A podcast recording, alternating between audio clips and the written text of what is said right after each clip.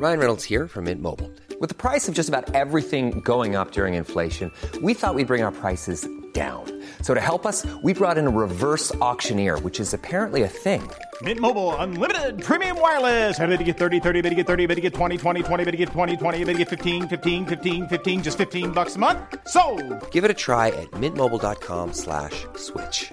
$45 upfront for three months plus taxes and fees. Promo for new customers for limited time. Unlimited more than 40 gigabytes per month. Slows. Full terms at mintmobile.com. Since 2013, Bombas has donated over 100 million socks, underwear, and t shirts to those facing homelessness. If we counted those on air, this ad would last over 1,157 days. But if we counted the time it takes to make a donation possible, it would take just a few clicks. Because every time you make a purchase, Bombas donates an item to someone who needs it. Go to bombas.com slash ACAST and use code ACAST for 20% off your first purchase. That's bombas.com slash ACAST, code ACAST.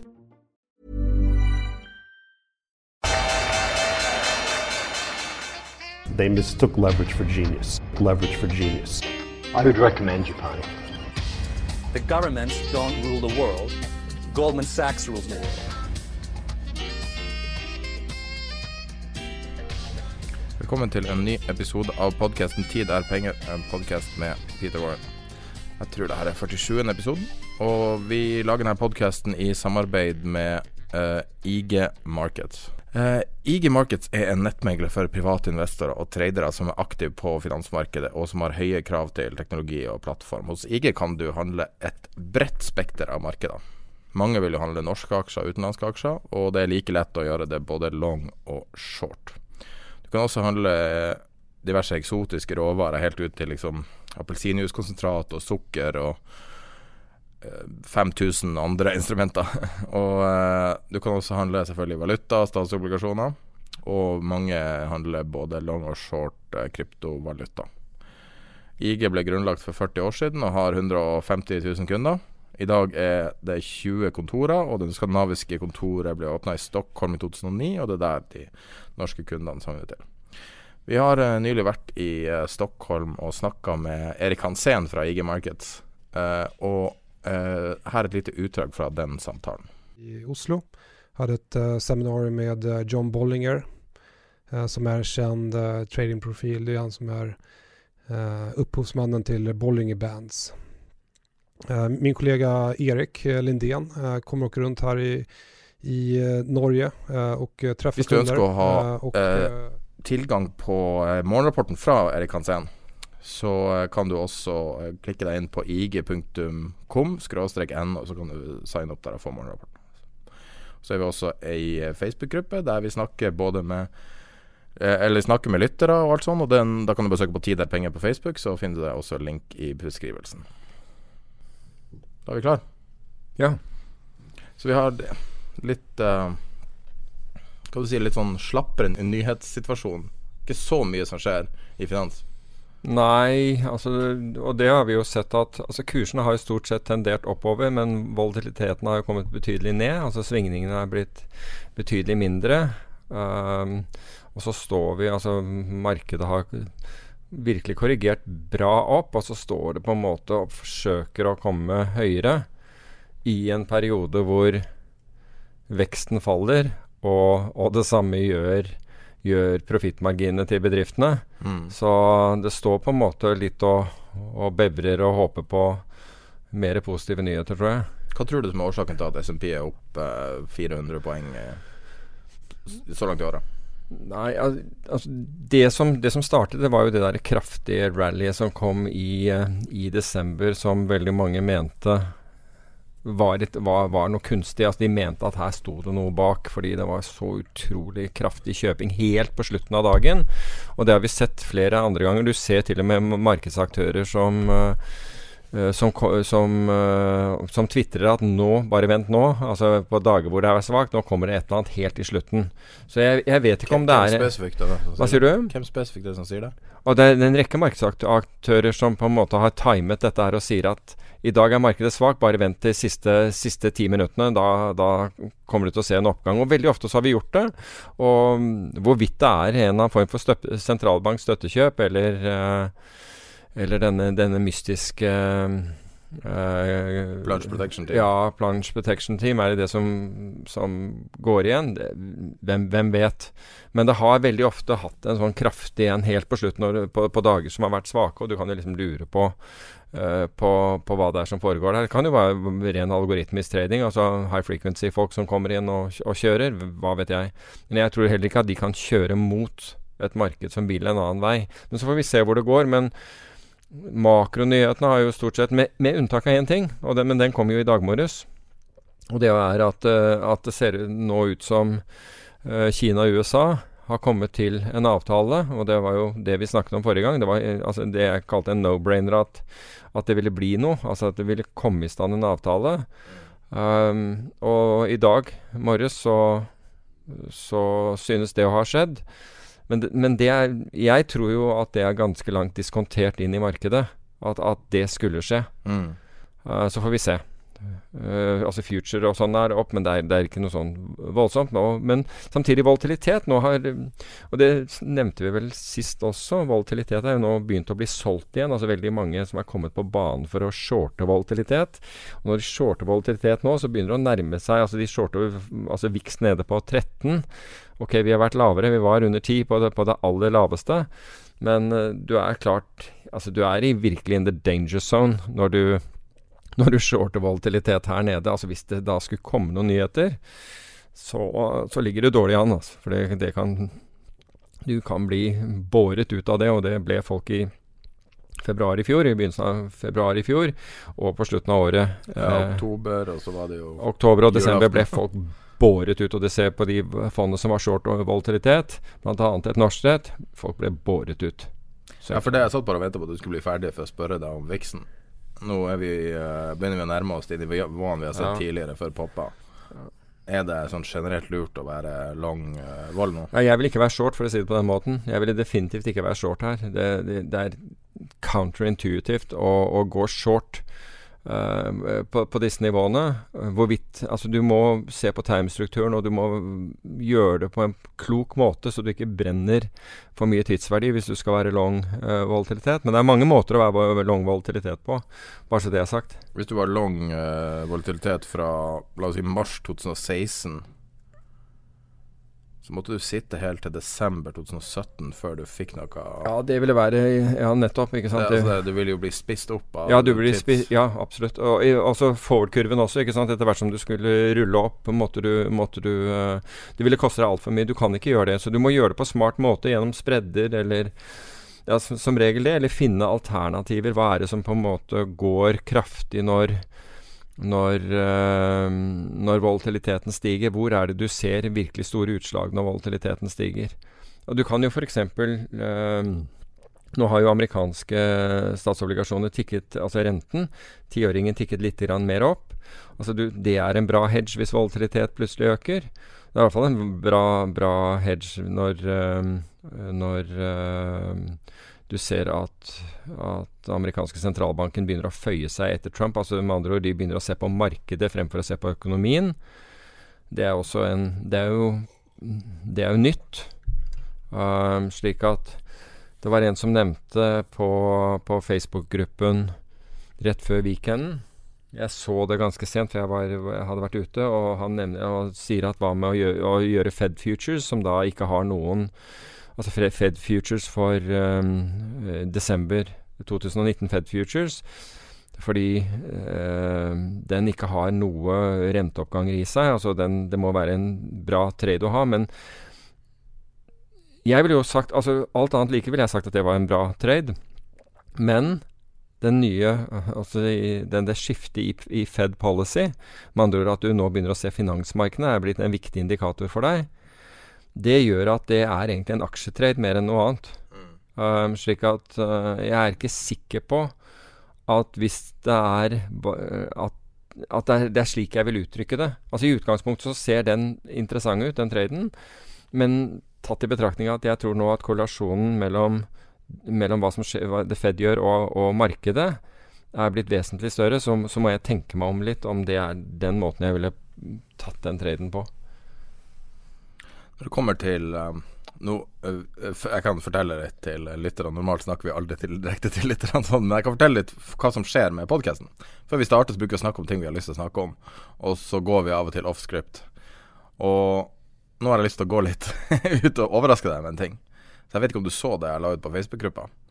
eh, som var det beste spørsmålet jeg har sett noen stille på lang tid. Som heter uh, What is something super important that is on the verge of happening? Så var noen som stilte på måte som et sånn åpent spørsmål til Reddit, som er en av verdens største nettsted. Ok, Nei, jeg så ikke dette. Nei, så jeg, jeg, liker det spørsmålet fordi at ofte så er det lett å misse de store tingene. Så eh, ting som, som eh, Jeg hørte en gang en som snakka om eh, at det, det, var et tysk firma som jobba med en form for eh, sånn At du kan sprøyte inn eh, et sånt serum i ansiktet, sånn at du får ungdommelighet tilbake i ansiktet. Og han mente at det var den største forretningsmuligheten i moderne tid.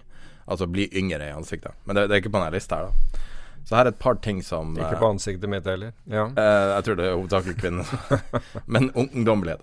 Um, det første human corneas have been 3D printed by scientists for å kurere blindhet. Okay. Det, er ting, det er den som, som er liksom høyest oppe. Mm. Uh, og eh, det at eh, En ting som, som, jeg også har fått med meg, som er at, at Kina har slutta å bli eh, på en måte um, absorbereren av resirkulering. Har du fått med deg det? Nei. Ved at når man kaster ting på søpla, så blir det resirkulert, så tenker du å, så, så bra at det blir resirkulert. Det man ofte ikke ser, er at uh, ting som du leverer inn, går på et skip til Kina, en liten unge sitter og sorterer det. Okay. Og, og, så er det masse andre, andre ting her.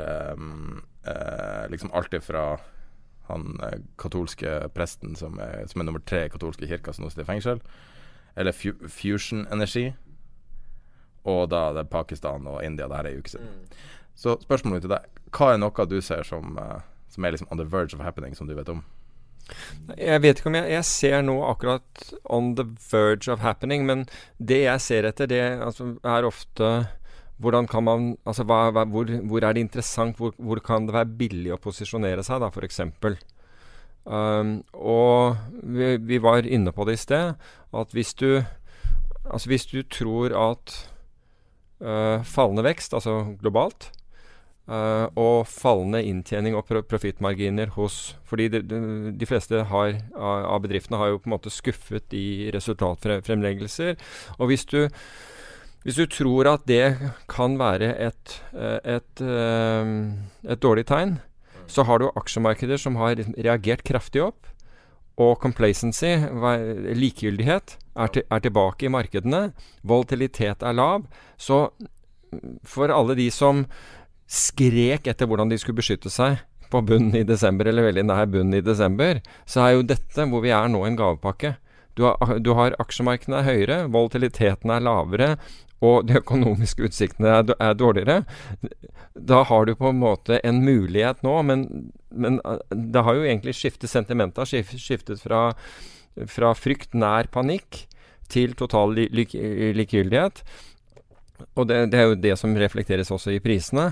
Men, men, du har på en måte en veldig god mulighet her til å etablere short-posisjoner, hvis du ønsker det, til veldig gode nivåer. Altså nivåer som du ville ha killed for in, i, de, i, desember, i anførselstegn.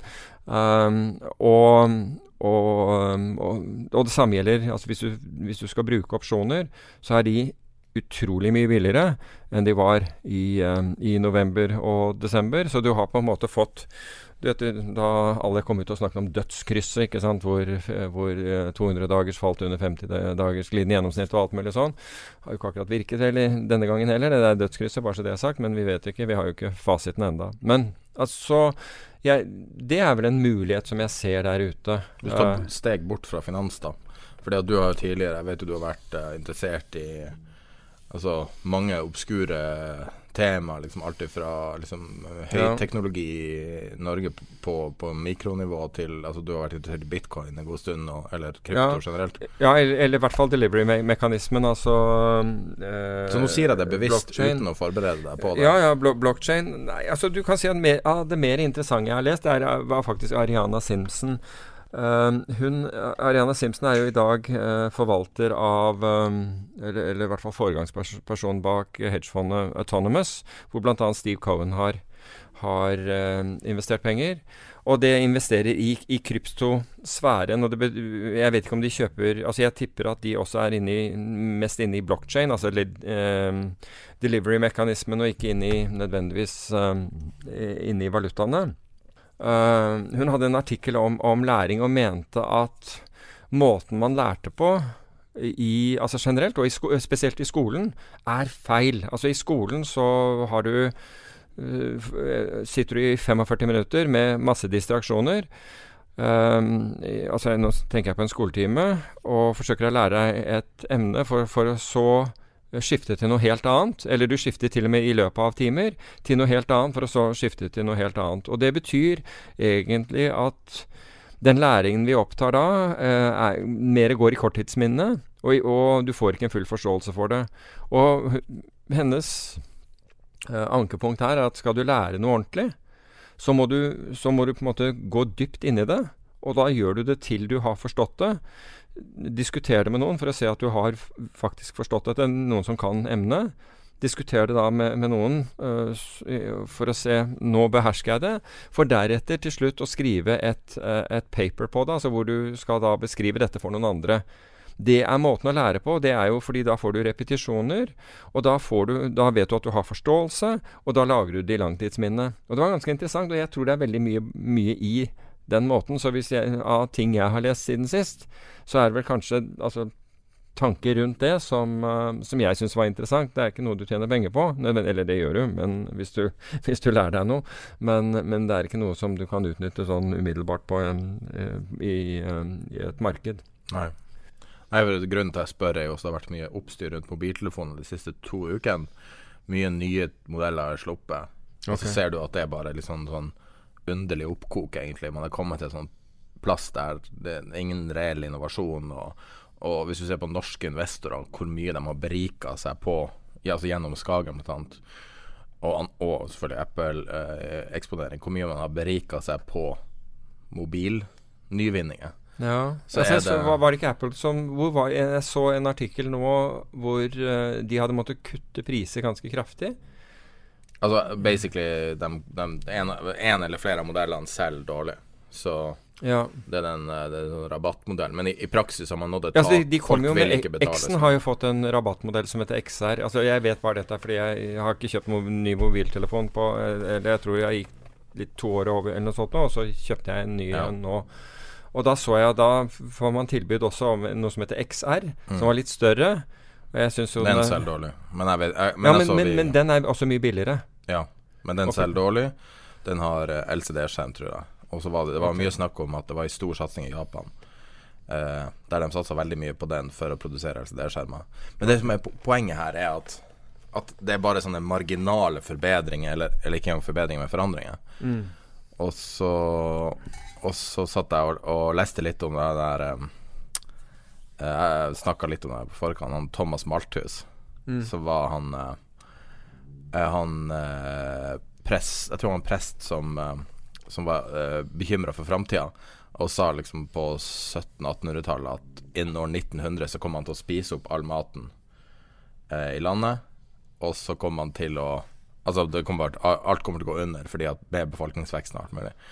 Men det at man, man, klarer ikke, man, klarer ikke, å se For man klarer ikke å se reelt framover hva som kommer, og hva som man kan jo ikke ha lest Darwin, fordi altså, Darwin gikk jo nettopp på det at mennesket overlevde Ja, men, men mennesket over, ja, nettopp, Godt poeng. Mennesket eh, overlever på, på, sin evne til tilpasning. Ja, og det er det som det er, det men, det er utrolig vanskelig å se for seg framtida. Ja, jeg vil aldri Altså, ja, ja jeg, jeg, ser det.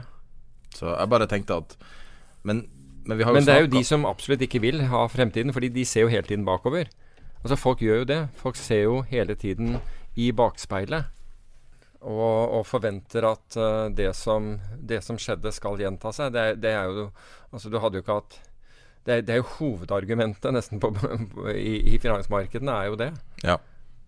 Past, men det står jo også alltid 'past performance doesn't uh, guarantee ja, og, future results'. Ja, det advar, advarer du mot, men det til tross så er jo all posisjonering, alt det man gjør, det er basert på hva som har virket tidligere. Ja. Nei, det, men det er veldig Altså, det er sånn Jeg vet ikke. Det er noen folk som klarer å se klart hva som kommer og alt. Men Ja, men, ja, nei, jeg- Altså for eksempel, la oss si den, for, eh, den eh, forurensning Si revolusjonen man står foran, eh, der du har Kina satser på solenergi i veldig, veldig, veldig stor skala.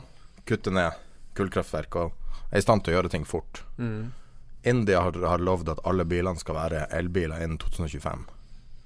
Saudi-Arabia investerer en hel gigantisk formue i solenergi. Ja. Altså basically alle Ja. Selvfølgelig vil det her ha enorme konsekvenser. Ja, det, det har jo det. Altså Vi ser jo det innenfor in, enkelte råvarer også, men, du, men, men altså, min oppfatning er at investorer, de aller fleste investorer ser ikke altså det er noen som gjør det, men de aller fleste ser ikke mot det. F.eks. råvarer. Nei, det har, det har vært vanskelig, og man har ikke tjent penger i råvarer. Og så ser man det som en hel gruppe fordi man har investert i en råvareindeks eller et eller annet sånt. Og der har jo riktignok har, har ikke vært mye å hente innenfor råvarer, men det har vært masse å hente innenfor enkeltråvarer. Men nei, la oss bare men, Og myndighetene har jo presset oss til å, å, å tenke kun på to ting, og det er obligasjoner og aksjer. Det er det vi skal ha. Så det er, det er på en måte ingen som innoverer lenger.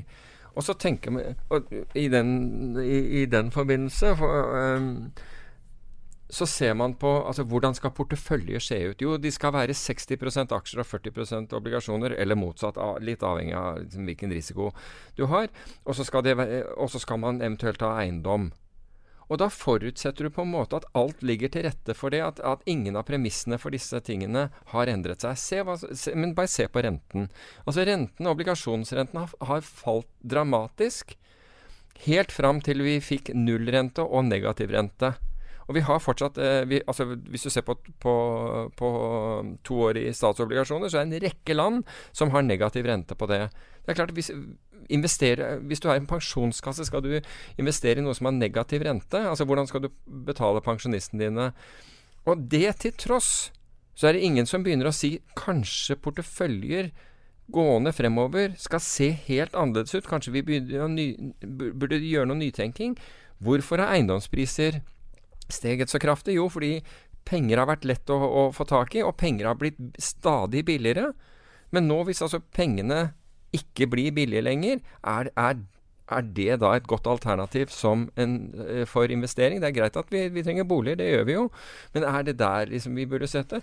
Hvis verdensveksten øh, er, er fallende og inntjening er fallende, er, er vi helt sikre på at vi fortsatt skal kjøre med 60-40, 70-30 eller en eller annen kombinasjon av kun det? Eller bør vi tenke fremover, som du er inne på? Bør vi faktisk begynne å tenke fremover? Hva er det som kommer til å skje fremover? Og bør vi kanskje sette sammen portefølje på en annen måte? Én ting er at ingen kommer til å bli hugget hodet av fordi de har beholdt den porteføljesammensetningen som har virket de siste ti årene. Til tross for altså med kvantitative lettelser og alt. Ingen kommer til å bli hugget hodet. Det er jo antageligvis det minst risikable uh, du kan gjøre. Det er å gjøre akkurat det som, det som, det som fremtiden sier. Men hvis jeg bare får lov å sitere Howard Marks litt, grann, fordi vi snakket om Howard Marks for et par uh, par episoder siden, og Howard Marks er leder for noe som heter Oaktree, og er veldig kjent hedgefond. 19% annualisert avkastning i, liksom i 20 år. Det er ikke mange som har maken. Og han er, eh, i tillegg til å være en god venn av Warren Buffett, så er han jo på en måte regnet som mm, Warren Buffett blant, blant hedgefondforvaltere. og han sier if you think like everybody else, you'll behave like everybody else. Og det er jo helt riktig.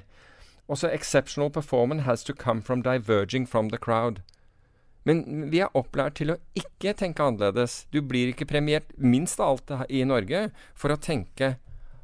Her blir vi jo egentlig premiert for å gjøre akkurat det samme om og om og om igjen, og du blir tilgitt for å gjøre det. Altså hvis det går, går galt.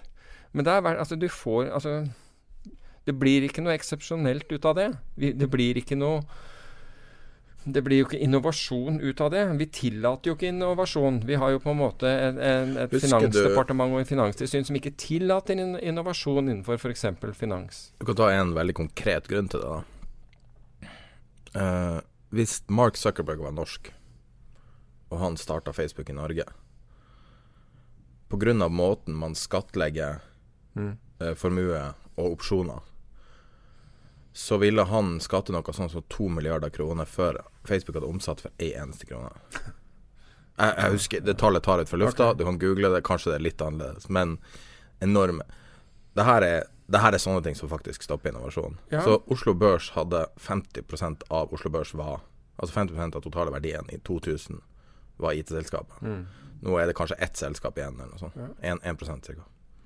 Men det, var, det er jo startet to alternative markeder i, i Norge med stor suksess.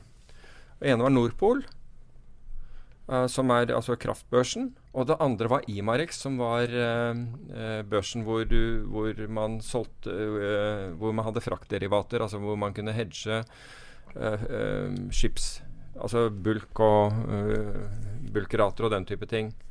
Begge de, altså når de, de, dette er, eh, altså, Og de tok av. Nå er de jo solgt, ikke sant, Imarex ut av landet og osv. Men de sa jo helt klart at Og den gangen så ble ikke det omfattet av Finansdepartementet, for det var regnet som råvarer.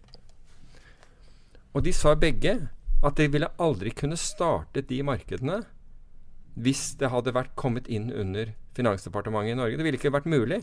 For det har blitt, stand- det har blitt overregulert. Du hadde ikke kunnet få dette av bakken. Mm. Begge sa det. Og, og dette er liksom Det er, det er bra at, at vi har um, årvåkne finansmyndigheter, for all del. Men når en sånn ting som i, i, i um, var det i to, Da den Terra-saken blåste, det var vel i 2007, så klarer da NRK å si feilaktig ved en feil at det var et hedgefond som de hadde investert i, og så stanset da Finansdepartementet hedgefond umiddel, med umiddelbar virkning. Det er første gang de har på en måte stått opp om morgenen og tatt en avgjørelse. Ever, tror jeg. Ellers så tar jo ting utredninger herfra til månen før noe blir gjort. De får vite i løpet av veldig, veldig kort tid at det var en feil. Mm. Men da var det prestisje. Så de bare satt stille og så på dette i flere år før, og, og kom, før, de kom med et nytt regelverk. Så de innrømmet ingenting. Bare sitt stille i båten. Og Som det er et klart- lite apropos, så hadde på det tidspunktet NRK nøyaktig nå tuller jeg ikke. To økonomijournalister. Og 100 politiske journalister. Det er ikke tull engang. Nei. Men, På samme eh, tidspunkt. Altså, jeg ringte jo, det, øh, jo til øh, Nå husker jeg ikke navnet på han, jeg tror han har gått bort siden. Um, Ja, jeg vet ikke det ja, om det, og, og han sjekket det og, og, og sa beklager. Altså, vi, hadde, vi, vi, vi leste dette dokumentet feil. Mm. Og det var bare un, under Citibank hva den avdelingen til Citibank uh, hadde ansvaret for, og det var bl.a. hedgefond. Så hadde de lest det feil og trodde at det var et hedgefond. Så sånn var det det hadde skjedd. Og så, så, så NRK sluttet jo un, un, Etter to dager så sluttet jo de å, å, å kalle det det. Men Finansdepartementet de lot det deres da skli frem til 2010, for da kom de med, da kom de med, med regler for hedgefond i Norge. Og selvfølgelig, de, de var jo, lignet jo ikke reglene for hedgefond i noe annet land. For her, her, her bygger vi jo alt fra scratch av. Altså, vi bygger hjulet og er veldig fornøyd, selv om det, hvis det hjulet er firkanta eller oktagonalt, så er jo det kjempebra. Bare vi kan si 'Made in Norway' på det, så er det jo, så er det jo greit. Men det er én ting jeg aldri har skjønt, fordi det er veldig stort for rikinghat i Norge. Det er et helt det er vanvittig påfall. Så, så bruker man sånne ting som man kaller det liksom Altså alle rike er røkke, liksom. Da røkke blitt ensbetydende, akkurat som Trump i USA. Mm. Men det jeg aldri har skjønt, er hvor- hvor- hvorfor Hvis du driver med olje og oljeservice, dem er unnlatt. Der er det bare fantastisk. De bygger land og alt mulig. Ja. Hva er forskjellen? Nei, ja, ja. Det, det, det tror jeg Da må du helt tilbake til, til når det der begynte i 73. Og en som holdt et utrolig bra foredrag om, om oljen, altså i, olje og, og Norge, var jo Kåre Valbrokk. Um, han holdt jo en Det var kjempeinteressant å høre hans betraktninger rundt, rundt hva som skjedde, og hvordan, og tilfeldighetene som gjorde at altså bl.a. Volvo-avtalen og alt rundt den altså, Ja, det var helt hvor vi holdt på, vi, hvor, vi holdt på å gi bort, uh, gi, gi bort halve, halve Nordsjøen for en Volvo. Helt utrolig greie. Men, men jeg tror jo at Altså, When you strike it like that, så har jo ingen, ingen klart å ødelegge det. Men, men ja, de har jo en særstilling. Men det er jo andre industrier som har litt sånn særstilling. Men altså ikke bare i Norge. Ta banker, men vi kan, det kan vi Jo, men ikke sånn i det der Altså det er folkehatet som Mm. er mot en person uten Og sånn, ja. Altså Ja, men uten fiske, sokker i Ja, ja. Nei, fiske har Ja, men fiske er sånn Altså, det er mer forståelig. Altså, det er hardt arbeid, Ja, det er har hardt arbeid. gjennom Ja. helvete på Men det var hardt arbeid innenfor olje også. Det var jo hardt arbeid. Ja, selvfølgelig, men jeg snakker om eierne nå. Ja, ja. Altså, eierne har bare blitt skjerma, skåna totalt for Ja, du ser at det er ikke det. Og jeg følte jo at de ble det også innenfor oppdrett en, en periode, men i det øyeblikket man drar frem uh, formueslister og den type ting, så ser du at uh, da Nei, nå skal vi ha betalt for vannet de, de bruker, for det er en naturressurs, og det er jo eh, Ja, så skal ikke bruke for mye luft heller, Det er bare interessant, fordi at ting skjer litt sånn tilfeldig. Sånn som du sier, at det her er noe som jeg tror aldri har blitt sagt offentlig, det med hedgefond og NRK. Det er ingen som har snakka om det. Nei, men, men det verste er at dette er ikke spekulasjon fra min side. Fordi eh, folk som da var i Finansdepartementet på det, det tidspunktet, har senere forlatt Finansdepartementet, og som satt med den saken. Og jeg traff vedkommende i en annen sammenheng, og jeg skal ikke identifisere vedkommende. Men, eh, men og Derfor så sier jeg ikke hvilken bransje vedkommende er i i dag, men de fleste klarer sikkert å hjelpe seg til det. Men han bekreftet den storyen. Han bekreftet akkurat. De ble klar over det og gjorde ingenting med det, fordi de følte at de hadde liksom Her hadde de gått på, her gjort en skikkelig tabbe. Men det var ikke viktig å rette opp den og re rette opp inntrykket. Det var, det var viktigere at ikke, å ikke uh, erkjenne at man hadde gjort en feil. Det er helt utrolig. Ja. Det er akkurat som i staten, i flere av departementene, så er det regler knytta til antall, altså saker. Mm. X antall saker. Eh, Skattedepartementet har ti saker i året. Så hvis du er saksbehandler, så må du ha x antall saker. Og de har da et stort insentiv for å gå etter små folk. Enkeltmannsbedrifter. Og et stort desinsentiv til å gå mot store, mektige aktører. Mm. Og en annen sak er at når du ser sånn razzia Det det er sånn det er på innsida. Når du ser sånn razzia på TV, de går ut med sånn alle PC-ene deres og alt sånn, så er det typisk altså, da, vet, da har de bevis på at noe har skjedd. De gjør ikke en razzia før før de 100 sikkert vet at noe er galt. Nei, men, altså, Men det er jo sånn staten fungerer. Det er jo Ja. forlengelse av det du sier. Ikke? Ja. Prestisjen å ta på ansikt er så farlig Ja. at du kan ikke gjøre en razzia på spekk. Mm. Du må vite. Ja. Så um, Det er forklarer jo kanskje hvordan folk får lov å holde på i ti, titalls år. Hvordan Finance Credit fikk lov å holde på så mange år som de gjorde, f.eks. Ja, jeg tror det. fordi det er, jo, altså, ja, det er jo mange tilfeller hvor man, som du sier, har fått holde på. Og det fins ting som verserer i dag, hvor folk har fått lov å holde på i i hvert fall ti år. Vel, altså Hvor alle på en måte har, har visst om dem, og, og det har, har ikke skjedd noe med dem. Mm. Så Det er jo veldig mange Det er jo veldig mange aktører som Som har en sånn eh, Ja, altså sånn, sånn små tulleaktører med sånn navn som høres flott ut. Og hvis du leser les dem omtalt i avisene, så, bare, så vet du ikke hvem de er, og du har aldri hørt om Mm. selskapet, aldri hørt om Mm. noen som jobber der. Og så blir de framstilt som om de er store og sterke. Ja. Eh, ref det vi snakka om tidligere. Vi har fortsatt ikke starta på temaet. Men eh, det vi snakker om nå, er jo liksom at verden er blitt litt, litt mer kompleks enn den en gang var. Og de siste ti årene så har vi blitt så vant til at Eller siste, la oss si åt, åtte år fram til for to år siden, så var alt veldig forutsigbart. Ja. Du hadde en forutsigbar president i USA. Du hadde eh, masse begreper som nå alle skjønte. Økonomiske begreper. Du hadde liksom Alt var etablert. Alt fra TARP til eh, kvantitative lettelser. Sånn at du kunne sett Og så samtidig kom veldig mye algoer ble satt opp. Mm. Så man brukte parametrene for å trade rundt det. Og så kom Donald Trump, og så kom brexit, og nå går alt. Ingenting funker lenger. Ja, det er vel, det er vel liksom sånn der voldsom forenkling. Fordi Og det du refererer til nå, det er jo det som DN skrev om det. Men DN tok jo den saken fra bare, hvor de sa at var det et eller annet Trump-algor, eller jeg husker ikke hva overskriften var. Robotene skjønner ikke Trump. Rob robotene skjønner ikke Trump. Um, og det, den var jo hentet fra Bloomberg. Og, og Bloomberg har heller ikke gjort en, en, en god jobb her, for her har man blandet kortene. For det man viser til her, det er en hedgefondgruppe som kalles CTA, Commodity Trading Advisors, og det er rett og slett trendfølgende fond.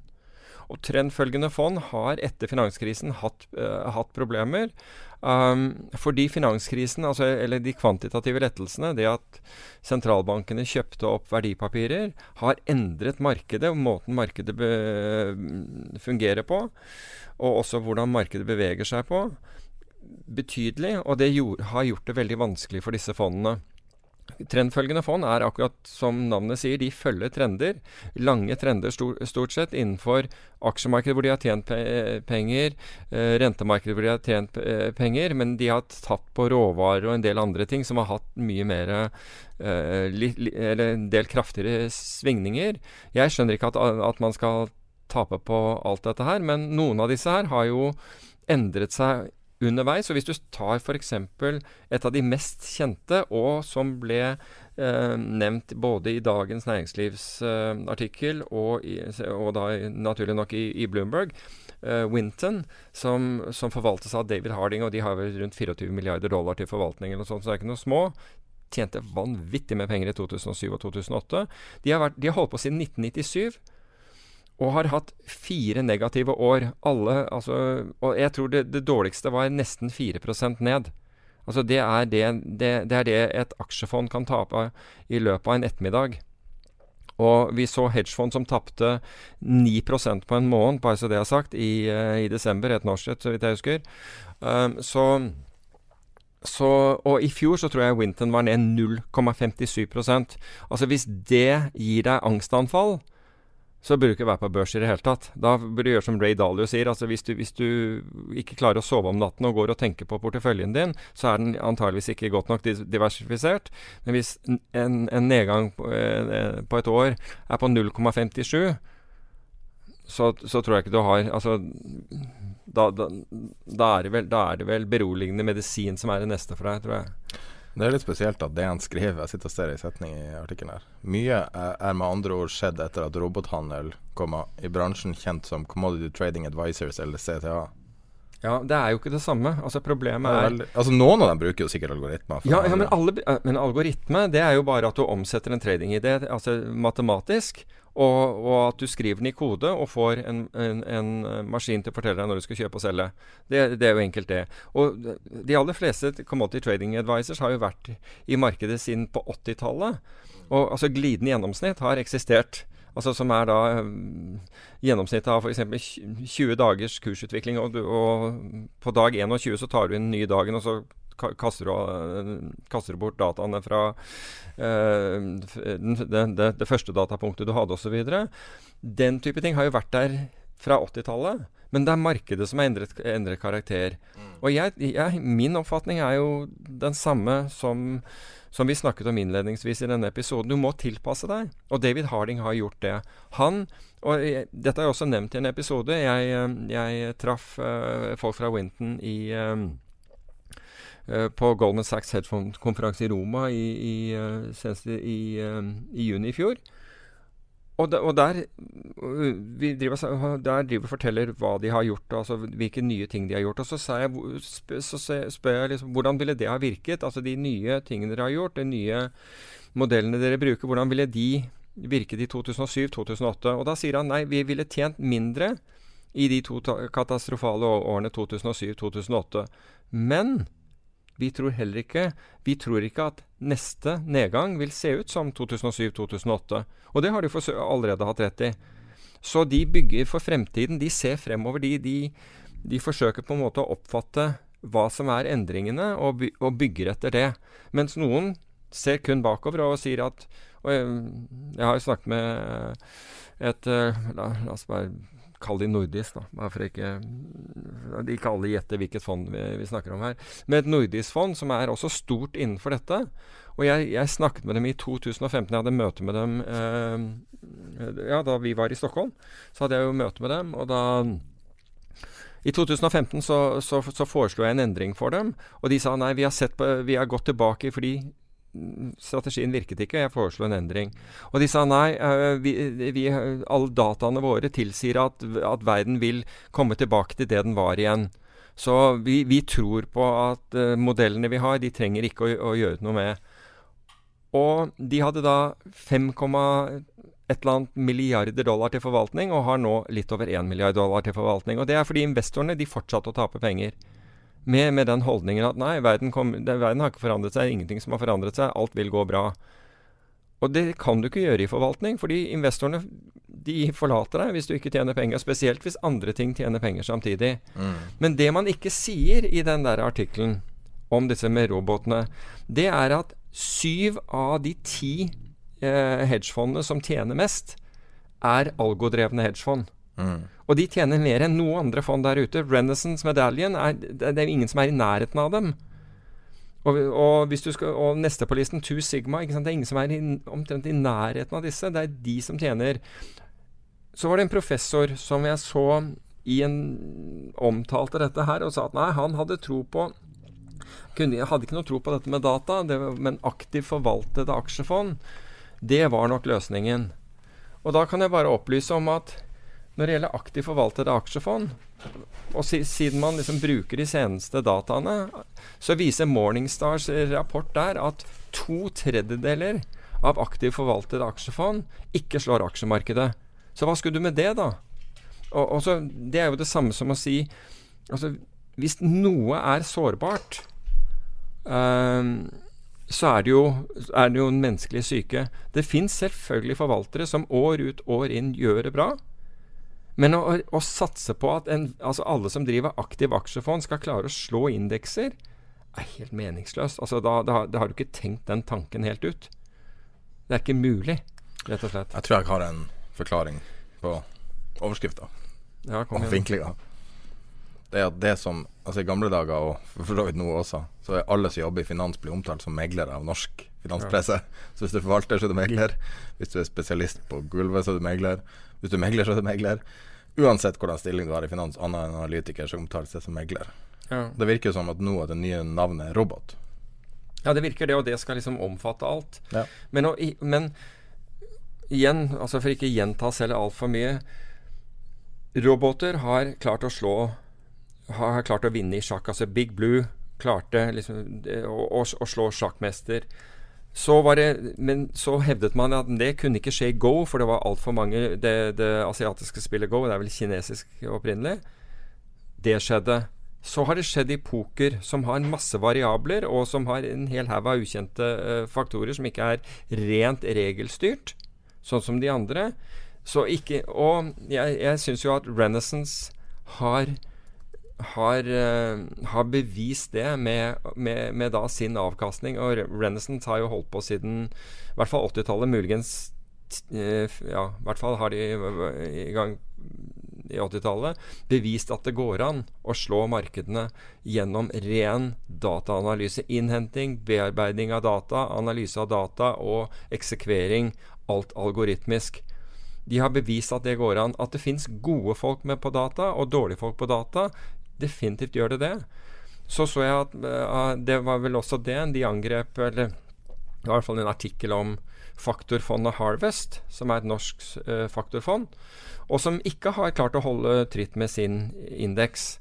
Og Da syns jeg egentlig at det var litt sånn der merkelig uttalelse fra, fra en i fondet som sier at ja, bare kommer en nedgang, så vil du se at vi er bedre.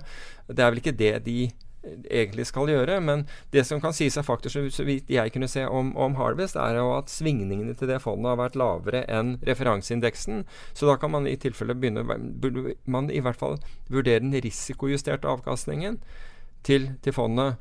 Men det er jo ikke sånn at, du, at alle kan Altså Her tar man Fama French faktormodeller, og så replikkerer man det på data, og så sier man ok, nå, nå skal dette virke. Altså, det er jo fremdeles altså det, det, er jo de som setter dette sammen, som, som bestemmer hvilke faktorer man skal legge vekt på. Som bestemmer hvordan skal man se at en, fakt, en, en faktor nå ikke er i vinden. Altså Den fungerer ikke i øyeblikket, være seg momentum, verdi, vekst eller hvilke faktorer man bruker. Og så skrur man av disse. Altså det er jo, det er jo Disse faktor, faktorene er jo kjente. Det er jo ikke noe, det er, det er ikke noe hokus pokus med faktoren. Det kan du lese deg til i en bok.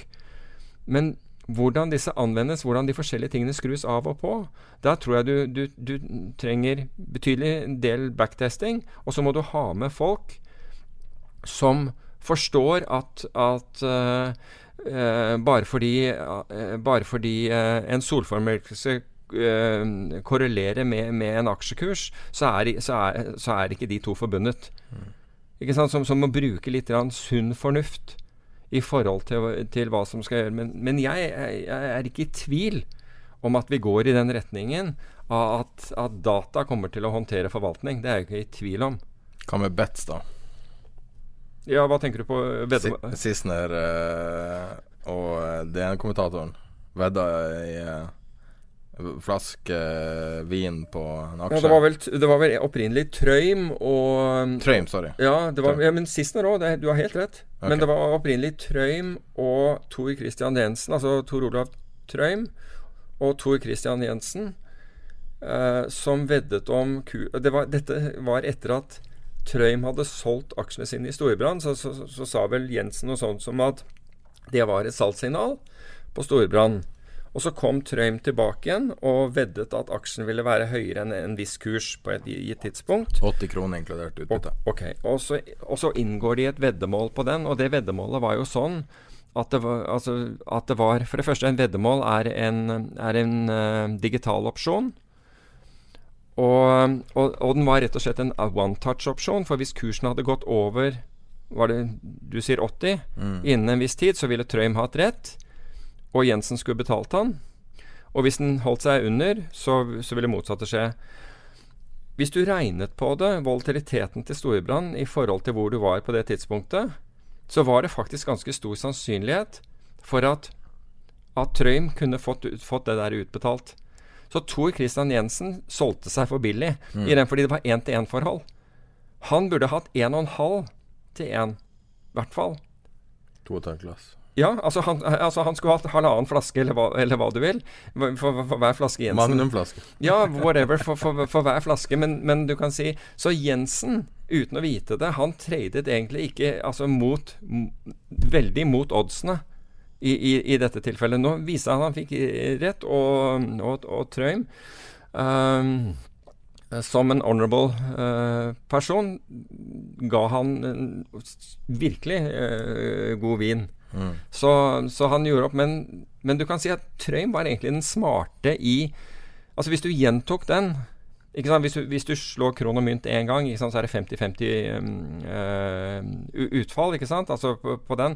Men, men hvis, du, hvis, du, gjør det over tid, så det vil fortsatt være 50-50. Men hvis, la oss si at du slår prøver å få fem kron etter hverandre. ikke sant? Altså, du, altså det, det, er vanskelig å få. Og, og, og, i dette tilfellet så var det altså Hvis Trøim bare fortsatte å, å, å ta disse veddemålene med hvor Jensen var villig til å akseptere så dårlige odds, så, så, vinner Trøim, altså. Det kan jeg love deg. Så kommer Trøim til å vinne. Jeg føler at det er en sånn uh, lærepenge i forhold til hva finansfolk vet, og hva media vet oppi det. ja, det er, det er, nok mulig det, men jeg tror at altså, folk som, som kan noe om, om, sannsynlighetsregning og opsjonsteori, uh, så med en gang at wow, Jensen, nå, nå er du på tynn is. Men han vant. Jensen vant, og det er liksom, det er liksom den derre Ok, det var you, you, keep flipping that coin, så, så vil liksom uh, så, vil, uh, så vil the law of average innhente deg. Jeg tror at faktisk at, han, at, Jensen fikk blod på tann og ønsker å utfordre igjen. Eller så er det Trøim som, som, er villig til å ta, ta veddemål igjen. Jeg kan skjønne det fra, fra Trøim sin side, hvis han får med Jensen på, på lignende dårlige odds. Tror du det finnes en Margaret Thatcher i England i dag? En Margaret en, Thatcher? En, en ung en. Som har akkurat møtt han der ikke han ned med briller. Jeg har sett filmen, da. eneste jeg vet om. Da møtte han en mann omtrent på den tida når hun møtte ektemannen og begynte å bli politisk aktiv. Tror du det finnes en sånn bred Jeg vet ikke. Jeg vet ikke. For man trenger det nå. Man trenger Ja. I altså, det kaoset som er nå. Hvis du sammenligner med 60-70-tallet Storbritannia-politikk og nå det virker, altså det virker som at det er like inkompetente folk på toppen. Og at man er i et uh, vinderlig kaos. Og ja. nå er vi Altså, du har den fredsavtalen er forventa i slutten av mars. Og nå er det brexit. hard deadline 30. mars, er det ikke? Jo. Jeg ser, jeg ser, for øvrig på den Facebook-gruppen Det er mange som spør om hvordan man skal posisjonere seg for dette. 29. mars, sorry. Uh, og, og, og, svaret er at det, det, er ikke enkelt. For veldig Altså, det vi har sett, er spesielt på valuta og renter, er overposisjonering. At, at du får Altså, du får voldsom posisjonering en, altså Først var det liksom at du skulle få et, et svakere pund som følge av dette her. Og det er aldri ålreit å posisjonere deg når hele verden har gjort det samme som deg. Fordi da, da, skal det så lite til at du blir båret ut. Fordi konsekvensene av at, at, at pundet går sterkere, da går den så kraftig altså det, Da skjer det så fort. Short squeeze. Ja, rett og slett en short squeeze. Og det har du allerede sett i, i, i, i pundet. Og Goldman kom ut og sa at liksom, han, de trodde at man skulle være long pund isteden. Og så blir folk liksom drept i den traden. Så jeg tror at uh, Bare for å ta det på et litt sånn overordnet nivå Jeg vet ikke noe Jeg, jeg ser ikke noe free lunch i pos posisjoneringen her. Uh, fra et makro-traders uh, ståsted. Men de som er mikrotradere, altså de som går inn og ser f.eks. på aksjer og, og, selskaper som vil, vil bli negativt og positivt påvirket av Altså Da tenker jeg britiske selskaper for eksempel, som blir negativt påvirket av, uh, av, brexit. Europeiske selskaper som vil hente seg, altså som vil ha fordeler av det. Jeg tror, jeg tror helt sikkert at det finnes noe der. Eller minst, mest, sannsynlig, for å si det på den måten, finnes det noe der. Men, men jeg ser ikke noe sånn der uh, enkel makro Du kan ta Selvfølgelig kan du ta bets for det, men jeg liker på en måte å ha jeg liker å gjøre det som alle, alle ikke har tenkt på på, på forhånd. Og, og, der hvor alle hadde tenkt på det på forhånd, så ble folk båret ut. Jeg har en tredje det. Okay. Basert på regjeringa si side om brexit. Hva tror du er det første spørsmålssvaret på regjeringa si?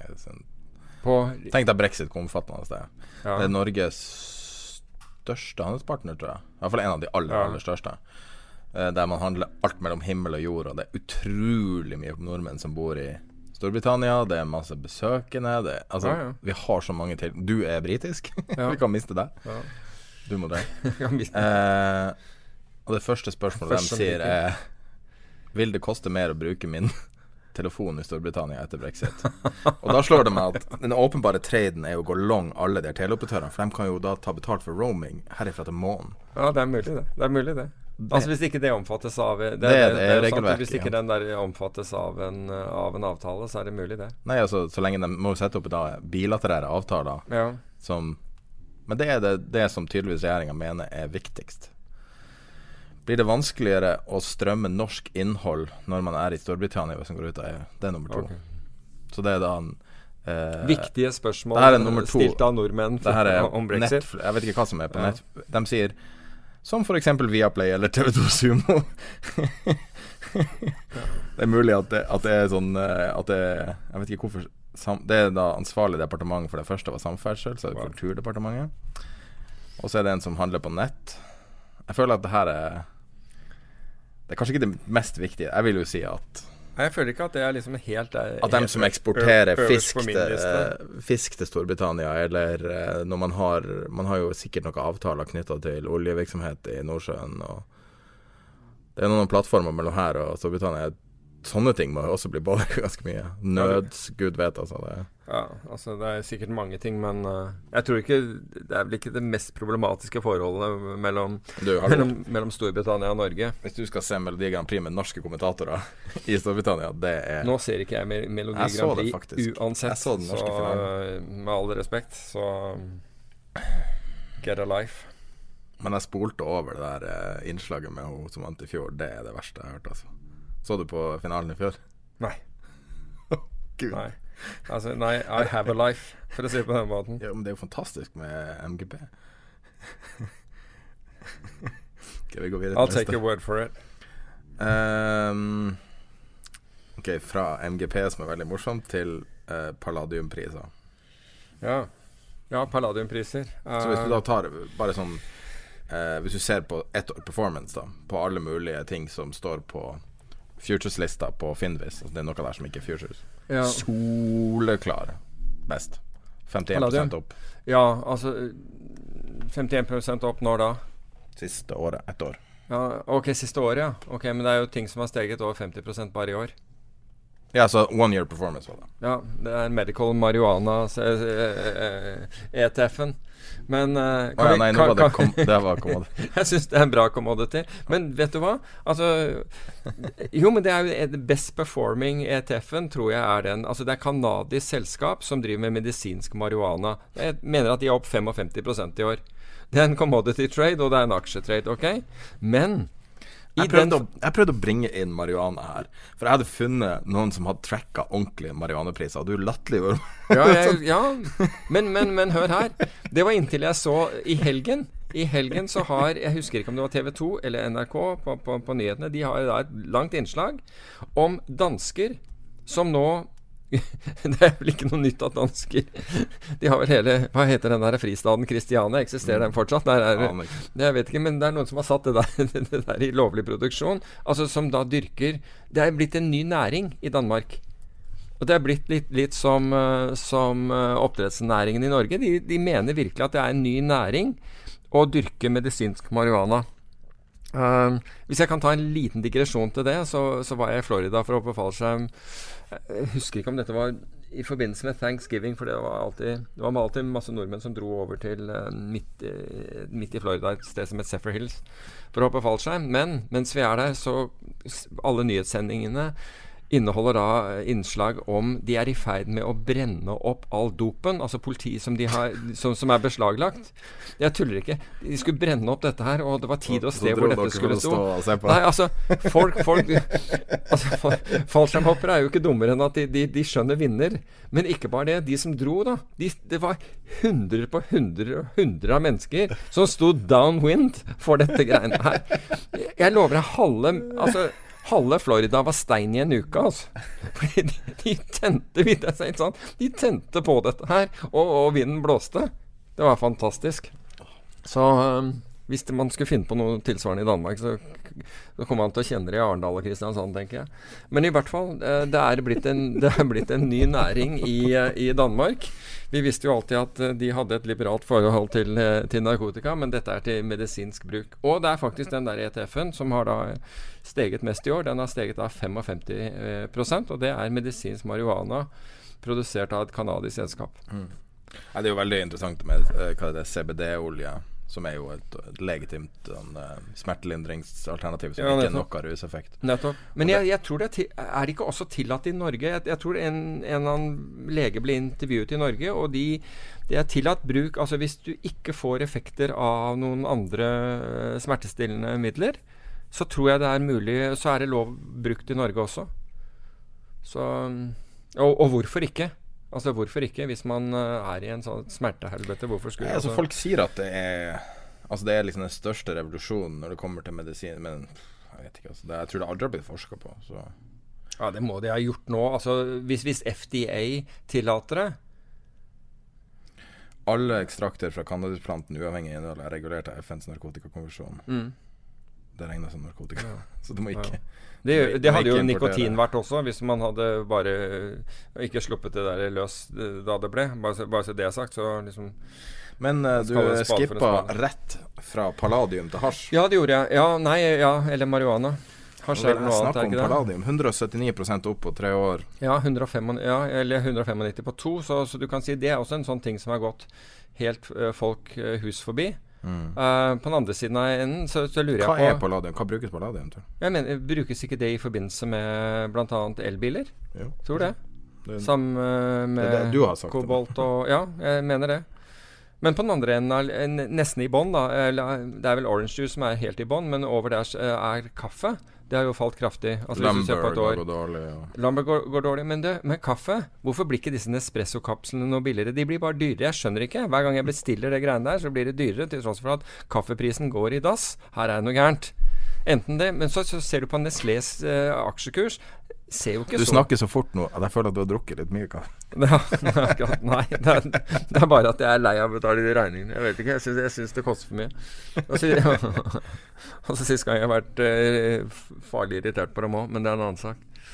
For å ha rota bort. Det er faktisk det. Jeg syns Altså, jeg, jeg, jeg kvitta meg med, med, med Nespresso-maskinen min, så var det liksom en sånn forbruker Det var en sånn uh, forbrukerhandling for meg, da. Antiforbruker. Det er noe deprimerende med alt det søppelet som det genererer. Ja, så jeg slår et slag for Aeropresso, som du har ja, nå. Apropos, men de har, de har gjenvinning av det. Du, de, du, kan få en sånn pose.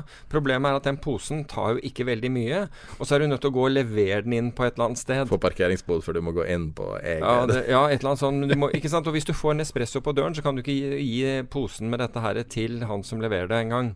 For Mm. du kan få en espresso på døren hvis du i Oslo-området. Fantastisk greie. Bortsett fra at jeg har mistet de to siste forsendelsene. De har blitt borte. Du har sånn skikkelig sånn ilandsproblemer i dag. Ja. Så, så det er min greie når det gjelder eh, Espressolevering. Ja. Men altså andre ting, da, for å si, si det på den måten. Og det, her, her må vi inn på noe. Uh, fordi det var, det var snakk om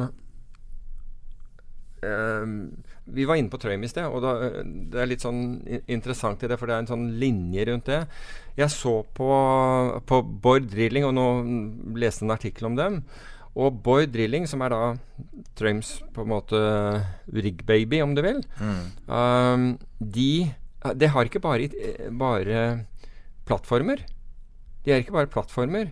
Men han har jo investert i andre drillingselskaper også, altså med, med TRS-er, altså Total Return Swaps. Så dette er jo et hedgefond. Altså, når jeg leste det, dette er jo ikke noe annet enn et hedgefond. som- Bård Drilling er et hedgefond. ja, altså Boy Drilling de eier altså Det er en hedgefond på den måten at de investerer i andre drillers. De leverager, altså de er tungt belånt. Um, uh, så de gjør på en måte finansielle den type plasseringer. Det er ikke noe gærent i å være det. Det er et AS. Altså det er, for all del, alt er åpent, det er ikke noe gærent. Men det er jo liksom en hedgefondsatsing på på, på olje og eh, på at, at det skal bli økt øh, bore... Øh, Hva er hedgen, da? Drilling Nei, vent litt. Det er jo akkurat det som er greia. Det er jo ingen hedge. Men Og det er interessant at du spør, siden du, siden du nevner det. Titan Global Opportunity, som er da en som kjenner Trøim godt, og som, er, så, og som selskapet egentlig besto av å investere i aksjer som, som Trøim satte i gang, eller selskaper som Trøim satte i gang. Nå er, gjør det vel litt bredere enn det, men det er veldig smalt. Det er et hedgefond. Men det har heller ingen hedge.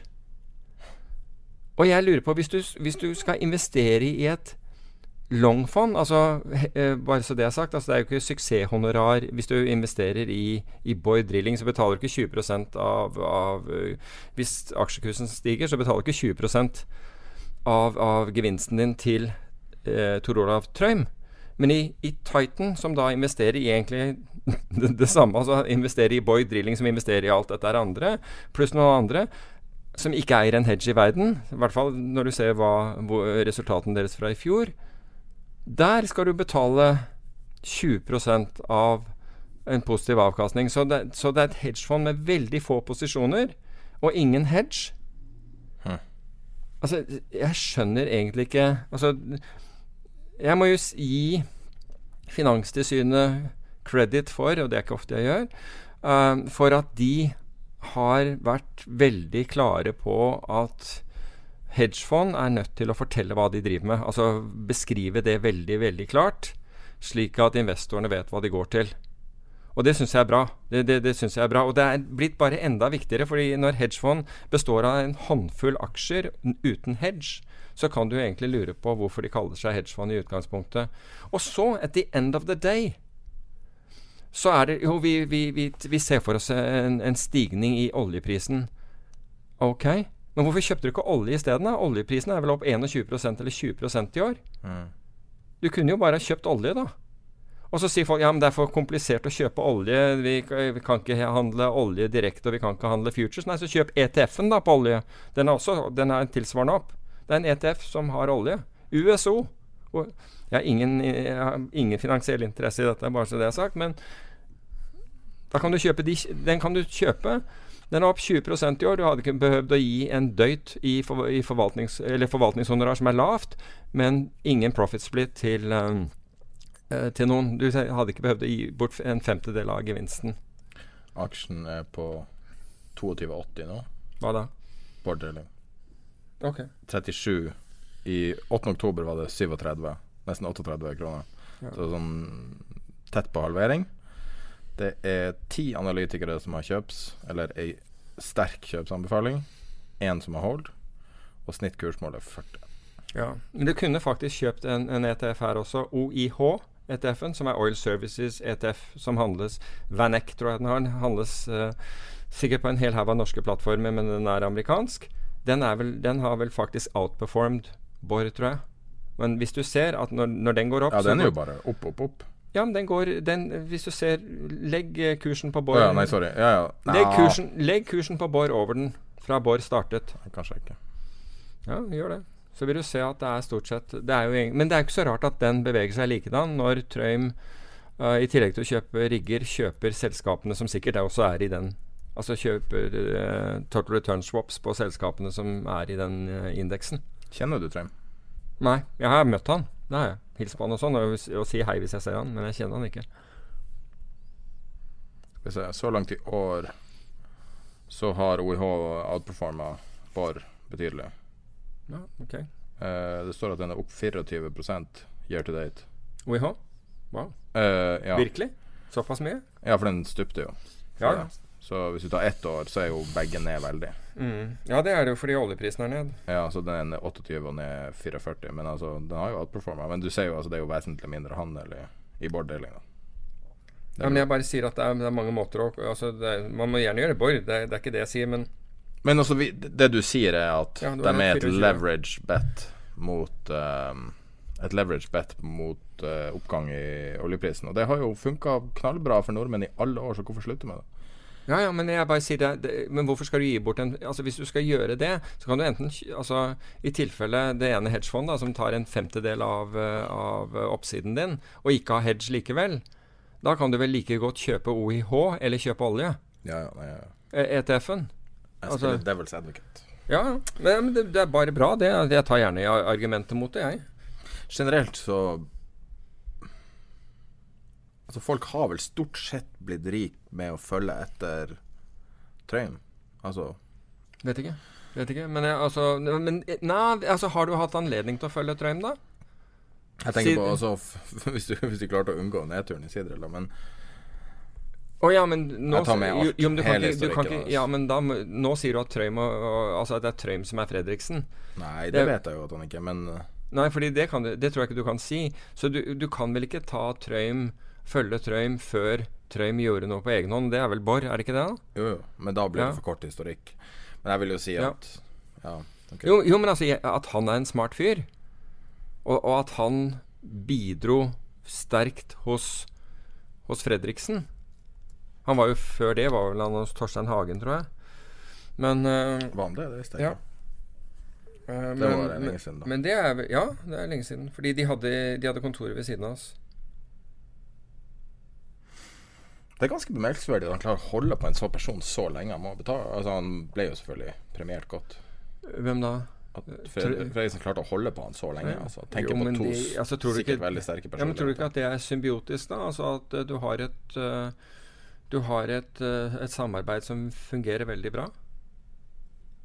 Jeg tror, jeg tror Jon Fredriksen altså han, han sover jo knapt om natta og har arbeidskapasiteten fra helvete. Virkelig. Han, er, han, altså, han jobber. Og, og han er sikkert ikke Altså Det skal jo noe til å, å på en måte tilfredsstille han, tror jeg. Jeg tror han fort, altså, du fort blir sliten. Men det, det som du sier, det, det samarbeidet varte jo lenge. Så det, da regner jeg med at det er et symbiotisk samarbeid som, som fungerte bra for begge parter. Jeg synes sånn her er en kommentator med utrolig varm i trøya i det siste. Når han går til angrep på uh, Norwegian. Og nesten sånn at jeg heier på Norwegian i den der saken. Hva okay. du syns du post, uh, post emisjon og alt som har skjedd? Nei, jeg vet altså, Emisjonen er ikke over, for den er ikke tegningen Tegningsrettene er, er ikke de i omsetning frem til 6. mars, da? Det, ja. Nå, nå tar jeg det bare fra hodet, så hvis noen sier at jeg putter så på Facebook-gruppen, skal jeg rette det opp. Men det var, det var den eh, Eller rett opp der. Ja, for jeg merker det var noen som lagde en egen chat bare for Norwegian. Oh, ja. på, Mm. Som er knytta til Facebook-gruppa.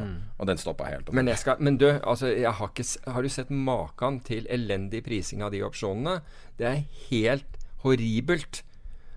Altså, Altså, de, eh, det, er, altså det er fullt mulig uh, Norwegian-opsjonene Å ja, opsjoner. Jo, men det er Å ja, fullstendig mulig å, å, å prise de opsjonene på Norwegian og lage et interessant marked ut av det det. du snakker nå om, det åpne opsjons... Det vanlige Det vanlige åpne opsjonsmarkedet som er på Oslo Børs, på Norwegian, er helt elendig. Alt som skulle til, er at du bruker tegningsrettene og bruker da aksjen. Men tegningsrettene her blir jo på en måte den syntetiske aksjen. Mm. Så, så, kunne du, så kunne du laget et ordentlig opsjonsmarked. Jeg fatter Det var ikke. spredden spredd noe sånn som 100% 100% Det var i flere i sånn at the money i april. 100 spredd. Altså, det vil si Helt at unødvendig. Altså, hund, altså Hva det var i 1960? Hva var spredden på en aksje da, liksom?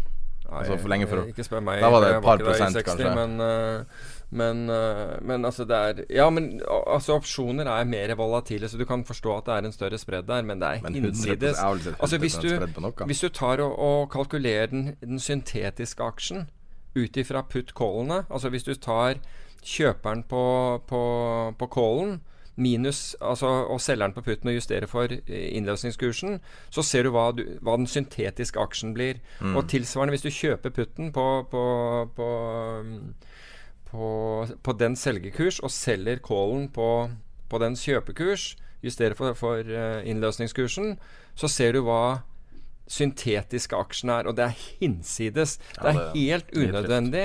Det er så dårlig håndverk at jeg vet ikke hvor jeg skal begynne engang. Altså. Det- Altså, det er nesten sånn at Oslo har, Børs har du lyst til å gjøre Nei, men det er altså, sånn at Oslo Børs burde si til markedsmakeren la, la heller være å stille prisen og stille den dritten her, for den der er helt off market. Forsøk i det minste å gjøre, gjøre det der. Du kan ikke si ja, men vi får ikke lånt aksjer. Da bare, da bare legger du deg lavere. Så enkelt er det. Da, du bare da er det syntetiske markedet lavere. Så enkelt er det. Ja. Og det spiller ingen rolle hvor, hvor Har du lyst til å gjøre comeback og gjøre det Det du gjorde for eh, 30-40 år siden igjen? Nei, egentlig ikke. Jeg har ikke lyst til at eh, jeg, Altså sitte med det på en daglig basis sånn. Altså Én ting er å, er å fortelle folk hvordan de skal gjøre det, og, og overvåke noe sånt noe. Det kan man også ha gjort. Men å sitte og, og, og kontinuerlig stille priser, um, det har jeg ikke lyst til å gjøre. Det har jeg ikke lyst til å gjøre. Ikke sånn Nei. Sitte med det hele dagen og, og stille prisene. Uten å gå for dypt inn i det. Er Billion Dollar Whale ditt, uh, din største bokanbefaling nå? Uh, nei. For du har snakka mye om det, Jeg så jeg tror, du har, om den. eh, jeg tror du har likt den godt. Ja, nei jeg, jeg, syns uh, Billion Dollar Whale er boken om uh, den M1 MDB, Uh, som riktignok ikke blir mye omtalt i, i, i Norge, men det var den svindelen som ble gjort med mal det malaysiske oljefondet, om du vil. Um, nasjonale fondet, og hvor Goldman Sachs er i saksa for dette. Sachs er i saksa, wow. Den, den, den var unintended, tro det eller ei. Det Um, jeg kan klippe det ut etterpå. ja, men det spiller ingen rolle. Um, er i saksa for dette her, og, og Men er egentlig storyen om Joe Lowe, altså denne malaysieren, som studerer og, passer på å bli, bli, bli venner med de riktige menneskene, og han får kontakter med, med folk i eh, med, med folk innenfor eh, da, eh, oljefondet i Abu Dhabi. eh, og, og klarer å dra dette her i gang. Altså Han er en, han er en megler som blir svindler. Mm. og, og får da denne, denne provinsen i Malaysia, som heter Teranganu Jeg har vært der en gang, jeg fløy opp der en gang. eh, Da kom kongen og dronningen av Malaysia og satte seg i setet, eh, setet foran på flyet. Først så kom, Det var litt av en greie. Vi sitter på flyet i Kuala Lumpur, og så plutselig kommer om bord en kar og blir stående i midtgangen, kommer om bord i dress. Kraftig kar. Og det er helt tydelig at denne fyren er bevæpna. Altså kan, Det buler ut altså ordentlig på, på hoftene hans. Han står og ser iltert ned der, og, tenker, og du tenker hva skjer nå? Er liksom, Har vi akkurat blitt kapra på bakken her, eller hva er det som skjer? Og det er helt sånn, altså, og så kommer kongen og dronningen og, og setter seg i, i flyet, og så flyr vi opp til dette Teranganu. Setter foran det. De setter foran, ja. La i setet. Du Nei, nei, nei, nei, nei. Altså, du, kan si de, de satt i setet foran, og så var det satt av eh, fire-fem rader på, på, til høyre, hvor, hvor hoffet eller eh, assistent eller hva det heter fall når man landet, så rullet de ut rød løper. Og så gikk eh, de ut og, og sånt noe, så og, på den måten, De passet på å rulle inn den røde løperen før jeg kom ned trappa. Men, eh, men Nå tror jeg du har rota deg borti Vi fall, om det. ja, dette var Teranganu. Ja, men det, det, det var den provinsen, uh, Teranganu, som, uh, som han klarer å, å overbevise om at de skal starte et sånt nasjonalt fond. Eller det blir jo ikke nasjonalt, egentlig er det regionalt. Men, men han klarer da å få venner til Altså i disse i, blant annet i Abu Dhabi til å stille garantier, så de får begynt å låne opp penger. Og han herre flytter da, altså ved hjelp av banker, som han gir så mye honorarer, at de bryr seg ikke om hvitvaskingsregler eller kjenn din kunde eller noe som helst. Det, det er bl.a. en sveitsisk eh, privatbank som heter BIS. Goldman kommer om bord. De andre kommer om bord fordi Goldman tjener så mye på dette her at Deutsche hiver seg på, UBS hiver seg på. Og så klarer han å rulle dette her og flytte penger rundt omkring. Så han drar liksom 700 millioner dollar rett til sin egen konto. Han kjøper seg yachter og fly og er liksom, går, blir, De finansierer Wolf of Wall Street. Filmen 'Wolf of Wall Street' er finansiert av han herre fyren, med, med, disse pengene, blant annet. Så han blir liksom buddy med, med Paris Heter hun det? Paris Hilton. Uh, og, og, og, Leonardo DiCaprio og hele den der gjengen her blir liksom dratt inn her. Han bruker million dollar på en nattklubb. Helt sånn vill historie. Altså Som blir bare gærnere og gærnere og gærnere, og så inntil liksom dette, dette sprekker. Og du ser han ene Goldman-fyren som kommer da Som, som sitter i, i Hongkong, som er hovedkvarteret for, for Asia. Han altså plutselig alle i denne banken, denne BIS-banken, de begynner plutselig å, altså Alle som jobber der, begynner å fly privatfly. Fordi de tjener så vanvittig. Denne bransjen tjener så vanvittig med penger. Og det er, bare, det er rett og slett bare pengene som sprøytes inn, altså som, som han bestikker.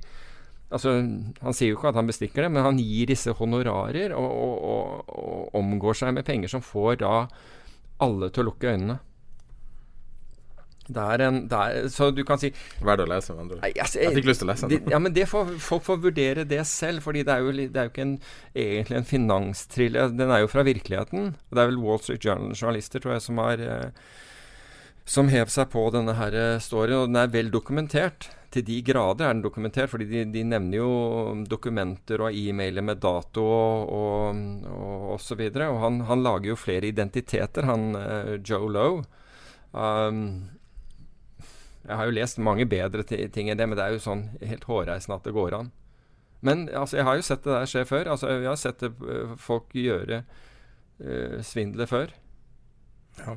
Du har uh, Sikkert mye man ikke vet om. Som nei, men altså, du, du, hadde et tilfelle Du hadde et tilfelle i et meglerforetak i Norge også, hvor gikk sånn altså hyret inn Eh, berømte band fra, fra, utlandet. Var den i Norge var en megler som er den i Norge som flyr mest privatfly. Altså ikke engang Røkke var fløy eh, tilsvarende mye privatfly som denne her eh, vedkommende. Altså, Hva skjedde? Nei, han endte i, i, fengsel. Han endte i fengsel. Og nå er han eh, leder av et firma? nei, altså, nei jeg, jeg, vet ikke om han sitter inne enda, men han tok jo penger fra, fra, fra kunder. Men, uh, men, det skjedde ikke noe med meglerforetaket fordi det var eid av bank, så da skjer jo ikke noe med foretaket. Men, uh, men Nei, så det var det, Altså til slutt så, så, så smalt det der, da. Hm.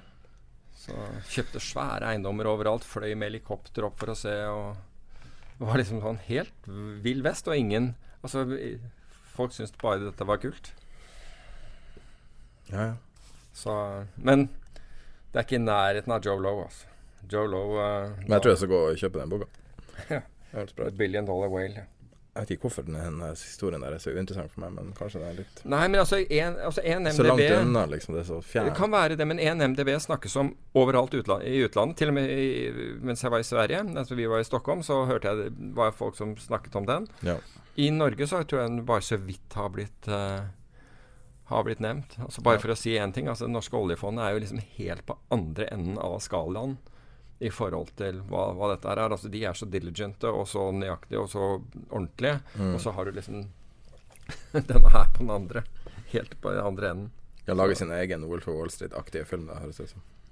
ja. Den er for, apropos filmen, det der oljefondet er jo faktisk blitt bedre når du skjønner at det er en komedie og egentlig ikke skal forsøke å, å gjenspeile eh, liksom finans. Nei. Så jeg, synes, jeg har sett et par episoder av den etterpå, og jeg må jo si, si at når du ser den for, for det den er, altså en, en, en, en Ikke sitcom, ja, det blir mer en sånn situasjonskomedie, så er den jo, er den jo mye bedre enn når du, når du går inn og liksom tenker at dette skal være norsk billions. Så men da tror jeg vi Nå er vi langt litt på overtid her, så jeg tror vi avslutter. Og det her er, vi har, var nylig i Stockholm, som Peter nevnte, og vi snakka bl.a. med IG. Uh, nye samtaler med Erik Hansen fra IG Market, så her er et utdrag fra den samtalen. Uh, men hva dere gjør ellers? Altså fordi at uh, utdannelse av kunder er jo en veldig Det er jo veldig altså langsiktig prosess da? Gjør dere andre ting enn webinarer også? Ja, altså vi, even fast vi har kontoret i Stockholm så kjører vi seminarium i, i Norge. Uh, vi var ganska nyligen här uh, i Oslo.